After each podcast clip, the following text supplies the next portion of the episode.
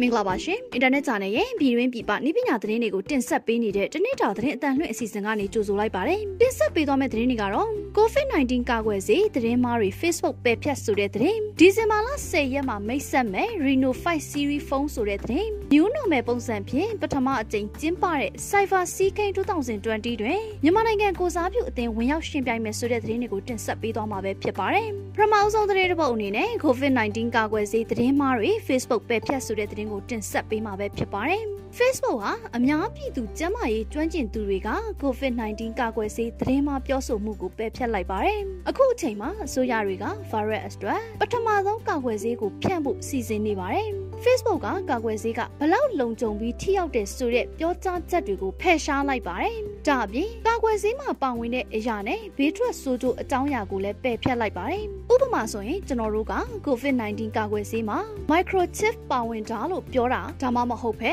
တရားဝင်ကာကွယ်ဆေးပါဝင်ပစ္စည်းထဲမှာမပါတဲ့အရာတွေတင်မယ်ဆိုရင် ဖယ်ရှားထားပါတယ်လို့ Facebook ကျမ်းမာရေးအကြီးအကဲဖြစ်သူက blog post မှာတင်ထားပါတယ်။ကျွန်တော်တို့က COVID-19 ကာကွယ်ဆေးပူးပေါင်းကြံစည်မှု theory အကြောင်းရေးသားထားတာကိုလည်းဖယ်ရှားသွားပါမယ်။လူရဲ့အနေငယ်အတွက်ခွင့်ပြုချက်မရှိဘဲကာကွယ်ဆေးစမ်းသပ်နေတဲ့ဆိုတဲ့ကိစ္စတွေကလည်းမမှန်ကန်ပါဘူးလို့ပြောခဲ့ပါတယ်။ Facebook ကတော့ Mesla နဲ့ October လအတွင်း Facebook နဲ့ Instagram က post 12တန်းကျော်ဖယ်ရှားခဲ့ပါတယ်။ဆက်လက်ပြီးဒီဇင်ဘာလ10ရက်မှာမိတ်ဆက်မဲ့ Reno 5 Series phone ဆိုတဲ့သတင်းကိုတင်ဆက်ပေးမှာပဲဖြစ်ပါတယ်။ Oppo ကတော့ကောလာဟာလာထွက်နေတဲ့ Reno 5 Series ကိုဒီဇင်ဘာလ10ရက်မှာမိတ်ဆက်မယ်လို့ကြေညာခဲ့ပါတယ်။ဒီဇင်ဘာ10ရက်မှာမိတ်ဆက်မဲ့ Reno 5ပုံ Diamond Glow Series ပွဲထွက်လာမယ်လို့အမီးဗီဒီယိုမှာဖော်ပြခဲ့ပါတယ်။အခုခါမှာလည်း Oppo က Reno 5 Series phone design နဲ့အချက်လက်အချို့ကိုအတည်ပြုခဲ့ပါတယ်။ပုံတွေကိုတော့ Oppo တရားဝင် website မှာဖော်ပြထားပါတယ်။ Reno 5 Series မှာ Reno 5 5G, Reno 5 Pro 5G နဲ့ Reno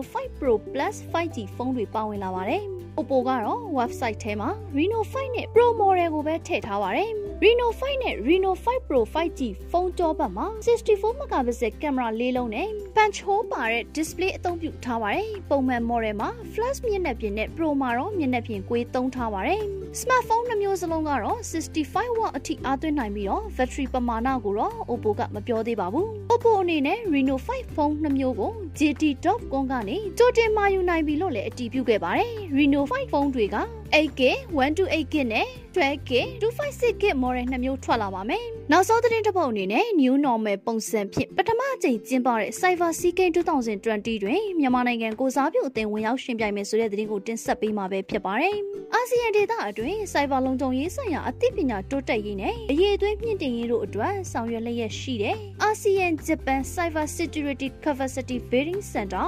AJCCBC ရဲ့နှစ်စဉ်ကျင်းပမြဲဖြစ်တဲ့ Cyber CK ကိုယခုနှစ်မှာ New Normal ပုံစံနဲ့ပထမအကြိမ်စတင်ကျင်းပခဲ့ရမှာမြန်မာနိုင်ငံကိုစားပြုအသင်းဝင်ရောက်ရှင်ပြိုင်ခဲ့တယ်လို့အမျိုးသားဆိုင်ဖာလုံခြုံရေးဗဟိုဌာနကထုတ်ပြန်ခဲ့ပါတယ်။အဆိုပါ Cyber CK 2020 ASEAN Cyber Security Competition ကိုဂျပန်အာဆီယံပူးပေါင်းရန်ပုံငွေ JAIF-2.0 မှာထောက်ပံ့ပေးထားပြီးတော့ပြိုင်ပွဲကိုဒီဇင်ဘာလ၄ရက်နနက်9:00နာရီခွဲမှာနေ့လယ်2:00နာရီခွဲအထိ9:00နာရီကြာရှင်ပြိုင်ရမှာဖြစ်ပြီးတော့အာဆီယံ10နိုင်ငံမှာပြိုင်ပွဲဝင်၄ဦးစီဝင်ရောက်ရှင်ပြိုင်ရမှာဖြစ်တယ်လို့ထုတ်ပြန်ချက်မှာပါဝင်ပါတယ်။ပြိုင်ပွဲမှာ binary, crypto, forensics, network, miss, OS, PWN, reversing နဲ့ WAF မေးခွန်းတွေကိုဖြည့်ဆို့ရှင်ပြိုင်ရမှာဖြစ်ပြီးတော့ယခုနှစ် Cyber စီးကိန်းပြိုင်ပွဲမှာမြန်မာနိုင်ငံကိုစားပြုအသင်းအနေနဲ့အမျိုးသား Cyber လုံခြုံရေးဗဟိုဌာနကအငယ်တိုင်းအင်ဂျင်နီယာများဖြစ်ကြတဲ့ဒေါ်ပွင့်ဖုံးစောဒေါ်မြတ်သစင်မွန်ဒေါ်ရွှေဝိရီနဲ့ဒေါ်မျိုးတီတာနွယ်တို့ကဝင်ရောက်ရှင်ပြိုင်ခဲ့ကြောင်းထုတ်ပြန်ချက်မှာပါဝင်ပါတယ်။ မြန်မာနိုင်ငံအသင်းအနေနဲ့ Cyber CK 2050တွင်